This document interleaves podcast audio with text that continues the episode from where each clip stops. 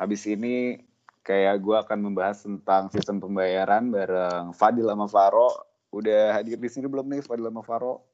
Halo Be. Hadir hadir. Oke oke. Uh, ini apa aja nih yang kayak perlu gue ketahuin ataupun apa nih yang kayak perlu apa yang lo mau bahas di sistem pembayaran ini? Oke, mungkin ini dari gue dulu kali ya. Gue mau jelasin dulu tentang sebenarnya sistem pembayaran apa sih kalau misalkan uh, kayak teman-teman kita atau kita sendiri yang awam tuh kayak nggak nggak sebenarnya kayak nggak tahu kan apa kayak sistem pembayaran tuh apa sih? Nah, sistem pembayaran tuh sebenarnya kayak sesuatu yang kita pakai sehari-hari karena sistem pembayaran tuh adalah uh, seperangkat aturan, lembaga dan mekanisme yang dipakai dalam suatu perekonomian untuk e, ngelaksanain pemindahan dana untuk pemenuhan kewajiban di kegiatan ekonomi. Nah, jadi kalau gua bayar gitu itu sistem pembayaran gitu. Nah, gua bayar iya, ke oh pakai debit card gitu misalnya nah, gitu ya. Bisa bisa bisa pakai dari, dari dari cash, dari debit atau mungkin kayak sekarang kita bayar sesuatu pakai electronic money kayak uh, GoPay, OVO. Nah, itu tuh kita tuh kayak lagi pakai sistem pembayaran sebenarnya, Be. Oh lah, oke oke oke. Nah, terus terus sistem, terus. Sistem pembayaran nih uh, untuk komponennya itu ada tiga sebenarnya komponen intinya. Yang pertama tuh alat pembayaran yang ya misalkan uang tunai atau uang elektronik. Terus ada sistem clearing. Nah, sistem clearing ini adalah sistem pencatatan uh, transaksi sama uh, sistem settlement. Nah, settlement ini adalah sistem untuk transfer uang realnya, bukan di catatan doang. Nah, hmm. untuk lembaga yang uh, ada di sistem pembayaran itu ada yang pertama tuh ada bank sentral. Itu kalau misalnya di kita tuh BI berarti. Yang hmm. kedua tuh adalah perbankan, yang ketiga tuh lembaga keuangan non bank. Yang keempat itu lembaga yang penyelenggara transfer dana bukan bank, kayak misalkan Western Union kalau misalkan lu pernah dengar. Sama yang terakhir itu adalah perusahaan hmm. switching kayak Visa, Mastercard. Nah, itu uh, salah satu dari lima lembaga yang ikut di sistem pembayaran ini. Kalau kayak GoPay itu apa itu maksudnya? Masuknya? Kalau GoPay itu bisa masuk ke lembaga penyelenggara transfer dana non bank sama nanti ada eh, dijelasin masuk ke elektronik money sih B. Jadi itu ada bisa hmm. jadi satu satu produk tuh bisa kayak masuk ke beberapa kategori lembaga gitu sih B. Oh, oke okay, oke okay, oke okay, oke. Nah, udah uh, definisi sistem pembayaran ini gue mau jelasin lagi sih B ini tentang apa sih sebenarnya peran BI dalam sistem pembayaran? Hmm, apa aja tuh? Nah, Kira-kira. sebenarnya kan kalau misalkan kita lihat tugas BI itu kan dia itu tugasnya tuh salah satunya tuh menetapkan dan memperlakukan kebijakan sistem pembayaran nasional. Hmm. Nah, penetapan ini diturunin jadi tiga tiga peran. Yang pertama tuh kayak ngasih izin sama persetujuan terhadap uh, uh, izin persetujuan dan pengawasan terhadap sistem pembayaran nasional. Jadi kayak regulatornya gitu. Hmm. Yang kedua tuh uh, jadi penyelenggara sistem clearing antar bank. Jadi kalau misalkan bank bikin transfer-transfer itu BI yang nyatet. Hmm. Sama yang ketiga nih fungsi yang paling relate ke masyarakat umum. BI itu ngeluarin, e, mengedarkan, menarik dan memusnahkan uang dalam peredarannya. Jadi yang bisa ngeluarin rupiah, yang bisa narik rupiah, yang bisa musnahin rupiah tuh secara hukum di Indonesia cuma BI. Terus yang kayak apa ngatur peraturan soal apa uangnya itu juga dari BI deh. Iya, itu tuh dari uh, undang-undang yang dibikin sama DPR habis itu undang-undang itu ngasih uh, perannya ke BI gitu, B. Hmm. Nah. Ya jadi kalau ada yang kayak koin seribu rupiah yang 20 juta itu apa nggak berlaku itu atas kuasa BI berarti ya? Iya, walaupun sebenarnya koin yang koin seribu yang saut itu tuh masih bisa dipakai. Oh alah. Gitu. Jadi sebenarnya itu harganya seribu rupiah juga gitu? Iya, kalau dipakai kalau buat transaksi ya seribu rupiah aja. Hmm, tapi jadi koleksi jadi mahal ya, gitu ya. Jadi ada yang sampai satu setengah m kan? Hmm. gila gila gila. Iya. Terus uh, tujuannya apa sih nih kayak apa dia ngelakuin kebijakan ini? Nah, tujuan untuk dia jadi regulator sistem pembayaran, terus dia jadi penyelenggara sistem clearing, terus dia yang jadi regulator untuk uang, itu tuh tujuannya tuh ada dua sih, Bi, tujuan utamanya BI itu. Hmm, yang apa? pertama tuh biar uh, uang yang beredar di masyarakat tuh uh, stabil, nggak yang tiba-tiba melonjak banyak terus jadi inflasi. Tadi yang seperti Hmm. dijelasin sama Damara ya. Sama yang kedua Iya, tuh. Eh, biar pastiin pengelolaan uang yang uang yang ada di masyarakat tuh eh, layak untuk diedarkan, gak, gak kayak uang yang udah sobek-sobek, uang yang udah lusuh, Hmm. itu tuh gak ada. BI itu pengennya uang yang ada di masyarakat tuh layak lah untuk diedarkan, gitu. Kalau misalnya gue punya uang jelek itu gue bisa tuker gitu nggak ke BI? Bisa banget nanti gua kalau gue jelasin gimana cara nukernya. Oke, boleh, boleh, boleh. Terus Nah. selanjutnya eh, lo bakal bahas apa instrumen pembayaran bukan? Nah, bener banget nih, Be. Instrumen pembayaran. Hmm. Tadi kan lu udah sebut eh, bayar-bayar nih, misalkan pakai cash atau pakai GoPay. Nah, sebenarnya tuh Hmm. instrumen pembayaran di Indonesia tuh secara umum dibagi dua, yang tunai sama non, tunai. Hmm. Nah, kalau uang tunai itu sebutan lainnya tuh uang giral. Uang giral Hmm. tuh yang Apa? Terdiri dari uang kertas sama uang logam. Tadi kalau uang logam Oh. tuh contohnya yang koin seribu yang tadi kita bilang itu, Be. Hmm. Pokoknya yang paling sering dipakai kali ya uang giral. Iya, yang paling sering di, dompet lah. Hmm. Terus terus selain itu apa? Apa cuma itu uang uang tunai?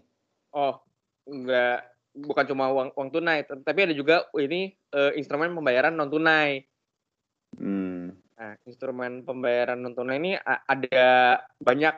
Yang pertama tuh kartu kredit dan kartu debit. Yang kedua tuh ada cek. Yang ketiga tuh bilet giro. Yang keempat tuh nota debit. Sama yang terakhir nih yang paling sering dipakai sekarang itu adalah uang elektronik yang server base itu kayak eh, uang elektronik di aplikasi di HP sama chip base kayak kartu e-money-nya Mandiri, flashnya BCA. Nah, itu chip base electronic money. Gitu, Hmm. Be. Oke oke. Terus kayak kalau ini mungkin kayak agak off topic off topic kali ya. Cuma kan sekarang udah mulai nih yang kayak cashless society, cashless society itu kayak ada apa ya sama pengawasan BI ini tuh kayak ada pengaruhnya gitu nggak? Oh, justru cashless society itu BI yang pertama kali ini sih B yang pertama kali gaungin di masyarakat. Hmm. Jadi mungkin gue, gue ceritain sedikit tentang ini ya, ada namanya Gerakan Nasional Non Tunai. Nah, Hmm. Apa BI itu ngelihat masyarakat nih terlalu sering pakai uang tunai. Padahal kan uang tunai kan ya b- kita kita sering dengar lah berita tentang uang palsu 500 juta, Oh, iya. 10 M yang Hmm. misalnya kita nuker pinggir jalan kita nggak tahu itu ternyata uangnya uang palsu. Hmm. Nah, karena ngelihat itu BI ngelihat bahwa wah masyarakat nih terlalu sering pakai uang tunai sama masyarakat butuh diedukasi lagi nih untuk pakai instrumen pembayaran non tunai. Nah, makanya pas dari tahun 2014 itu BI bikin gerakan nasional non tunai untuk meningkatkan kesadaran untuk menggunakan instrumen non tunai di masyarakat. Nah, tujuan akhirnya apa? Tujuan akhirnya ya masyarakat tuh pakai uang, tapi bukan uang tunai, tapi pakai yang instrumen pembayaran non tunai ini. Jadi less cash society gitu ya seperti yang lu, lu tadi bilang, Be. Hmm. Jadi jadi dengan less cash society ini jadi lebih aman gitu ya nggak ada uang palsu Ya, atau uang apa Gak ada gitu ya? uang palsu. Terus it- terus eh, peredaran uang masih bisa lebih gampang di track. Gitu lah. Hmm, eh, iya soalnya pasti ada catatannya gitu ya datanya ya. Iya.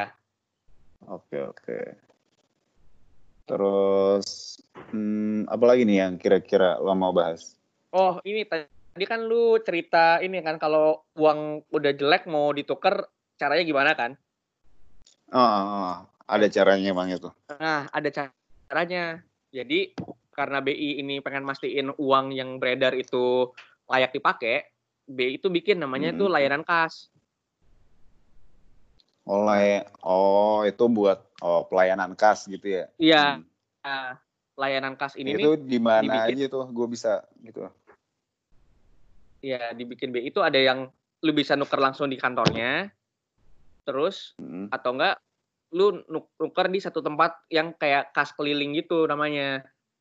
Nah, kalau di Jakarta tuh kas keliling. kayak kayak Iya, kayak- mobil bukan. Iya, kayak di, di mobil itu mobil BI itu bikin layanan penukaran kas. Biasanya sih di kalau di Jakarta tuh ada di Hmm. Monas gitu sih, di parkiran Monas. Oh oke oke oke. Terus, Terus juga apa apa kalau- cuma bisa dua itu? Oh, enggak juga sih. Ada juga layanan khusus kayak namanya kas titipan. Nah, kalau kas titipan ini kayak kalau misalkan orang-orang kayak di daerah terpencil itu pengen nuker uang kan nggak bisa langsung ke kantor BI-nya langsung kan. Nah, itu BI bikin Hmm. kerjasama sama bank umum biar or, biar daerah terpencil tuh kebutuhan uang tunainya juga terpenuhi. Gitu. Oke oke. Iya berarti layanan BI ini udah udah mencakup udah gampang banget ya udah memudahkan rakyat Indonesia banget ya. Bener banget, Be. Oke, terus eh, lanjut aja kayak yang tadi udah Fadil jelasin atau Fadil sebutin salah satunya clearing atau settlement eh, dan ya dan hal selanjutnya sekarang gue bakal lanjut ke Faro. Sekarang gue bakal membahas tentang pengawasan Bank Indonesia nih terhadap berbagai jasa pembayaran. Eh, untuk itu gue mau ngebahas hal ini karena banyak dari teman-teman yang mungkin nggak tahu sebenarnya apa sih yang diawasin oleh BI. Mungkin uh, gue tanya dulu nih ke Faro kayak emangnya apa apa aja Far yang ditanya apa yang diawasin sama BI? Oke oke. Eh, jadi seperti kita tahu ya bahwa BI itu kan punya mempunyai tugas untuk menjaga kestabilan dari nilai rupiah melalui berbagai kebijakan moneter kan. Nah mungkin ada beberapa Hmm. orang nih yang bingung mungkin dari pendengar bukannya pengawasan juga ada pada tugas dari OJK. Oh iya. uh, Nah terus, jadi terus. nah jadi kalau yang Iya, kita tahu yang itu gua kan tahu tuh kayak OJK ini ya buat perbankan pasar modal sama asuransi gitu ya. Nah, betul sekali, B. Nah, jadi OJK itu lembaga yang mengatur regulasi hal yang berdampak secara langsung pada ekonomi mikro. Nah, kalau kita tahu nih seperti perbankan, pasar modal juga, asuransi, dan lembaga keuangan khusus. Lah kalau itu BI ngawasin apaan dong kalau itu diawasin sama OJK? Nah, jadi eh, ada beberapa jasa pembayaran yang diawasi oleh BI. Nah, intinya tuh jasa pembayaran itu ada beberapa penyelenggara. Tadi kan sudah disebutin sebagian, nah saya akan menjelaskan lebih lengkapnya nih. Jadi, ada pihak penerbit seperti bank atau lembaga lain selain bank, tapi perlu dicatat bahwa yang diawasi itu adalah alur sistem pembayaran, bukan bank secara umum karena itu tugas dari OJK. Ada juga pihak Hmm. acquire sebagai pihak yang melakukan kerjasama dengan pedagang untuk memproses data uang elektronik. Ada juga pihak prinsipal yang bertanggung jawab atas pengelolaan sistem pembayaran. Ada juga eh, pihak penyelenggara clearing yang akan melakukan perhitungan hak dan kewajiban keuangan dari berbagai pihak. Dan yang terakhir adalah penyelenggara akhir, yaitu pihak yang bertanggung jawab atas hak dan kewajiban keuangan masing-masing. Ada juga pihak tambahan seperti penyelenggara payment gateway, penyelenggara dompet elektronik, serta penyelenggara switching. Gitu. Walah, jadi sebenarnya sistem sistem dalam jasa pembayaran tuh udah cukup banyak ya yang diawasi sama BI kayak eh, lo ada contoh nggak kayak produk keuangan tuh yang eh, spesifik gitu diawasin sama BI? Oke, gue punya contoh beberapa produk. Jadi yang pertama adalah gerbang pembayaran nasional atau biasa disingkat oleh GPN. Nah, jadi kalau lu perhatiin, semua kartu yang beberapa kartu dari bank itu mempunyai lambang GPN. Nah, jadi Hmm. intinya GPN itu akan mengintegrasikan saluran transaksi dana melalui elektronik. Nah, terus kalau misalnya contoh produk lain, ada KRIS atau Quick Response Code Indonesian Standard. Nah, itu kan cukup ribet eh, istilahnya. Nah, mungkin simpelnya, kan kalau kita lihat di kasir nih, kasir Alfamart atau Mhm. Indomaret, atau misalnya tempat-tempat lain, itu dia mempunyai banyak QR Code. Jadi kalau mau bayar tuh tinggal scan Iya. QR-nya. Nah, ya BI ini akan Ya udah membuat mulai banyak. Heeh. Nah iya, biasa tuh ada QR code dari Gojek, GoPay maksud gua, terus ada OVO juga, dan Ya, juga. Nah, ah. itu kan ribet kan, ada tiga kan. Nah, Hmm. Ini membuat agar QR code ini cukup satu aja untuk mengakomodir keseluruhan pembayaran supaya lebih efisien. Tambahan lainnya juga dengan QR Kris ini, QR code yang dibikin hanya satu aja itu membuat pengawasan lebih gampang. Terus ada lagi fintech yang diawasi oleh BI. Tadi yang gue udah sebutin di awal juga ada dana Go, ada dana GoPay, OVO, nah juga ada Amarta juga nih yang contoh fintech yang sudah beroperasi di Indonesia. Nah perizinannya juga harus melalui BI terlebih dahulu. Oh, jadi eh, maksudnya maksud gua kan fintech kan aplikasi gitu ya. Maksudnya Betul. walaupun mereka kayak aplikasi-aplikasi gitu tuh perizinannya harus lewat BI dulu ya kalau kayak Iya. kalau kayak Flip Betul, tuh betul. gimana tuh Flip? Nah, oke kalau mengenai contoh flip ya. Jadi kalau flip itu kan mungkin banyak orang yang make ya pendengar. Jadi flip itu fintech yang menyediakan jasa pengiriman uang antar bank tanpa biaya. Nah, fintech fintech ini eh, diawasi oleh BI meskipun ada pihak bank dalam proses bisnisnya. Nah, tapi Hmm. ada sebabnya karena Flip ini hanya menjalankan fungsi pengiriman uang, bukan sebagai pihak bank. Jadi tidak diawasi oleh OJK. Gitu. Oke, nah penjelasannya udah cukup baik. Mungkin ya teman-teman yang dengerin di sini bisa ngerti lebih jauh apa aja yang diawasin sama BI. Nah, mungkin gue juga mau nambahin nih, kalau BI itu juga punya eh, tugas khusus, yaitu ngawasin yang namanya anti pencucian uang dan pencegahan pendanaan terorisme. Waduh, gimana tuh ngawasinnya? Nah, jadi simpelnya gini aja, BI itu sebagai regulator akan bekerjasama dengan institusi lain seperti kepolisian yang akan mengawasi aliran dana agar tidak sampai pada tindakan ilegal. Jadi seperti pencucian uang atau pencegahan pendanaan untuk kegiatan terorisme, sehingga uang yang ada itu tidak digunakan secara buruk. Walah, keren juga ya BI bisa sampai cegah terorisme ya. Keren, keren, keren, keren. Iya, iya. Itu salah satu tugas BI sebagai Iya. regulator moneter di negara kita. Oke, oke. Oke, thank aja. you banget Faro. Iya, iya, iya, iya, iya, Sabi. Oke, thank you banget Faro udah uh, memberikan kita pengetahuan dan juga gue tentunya tentang apa aja yang diawasin oleh BI. Oke, sama-sama, B.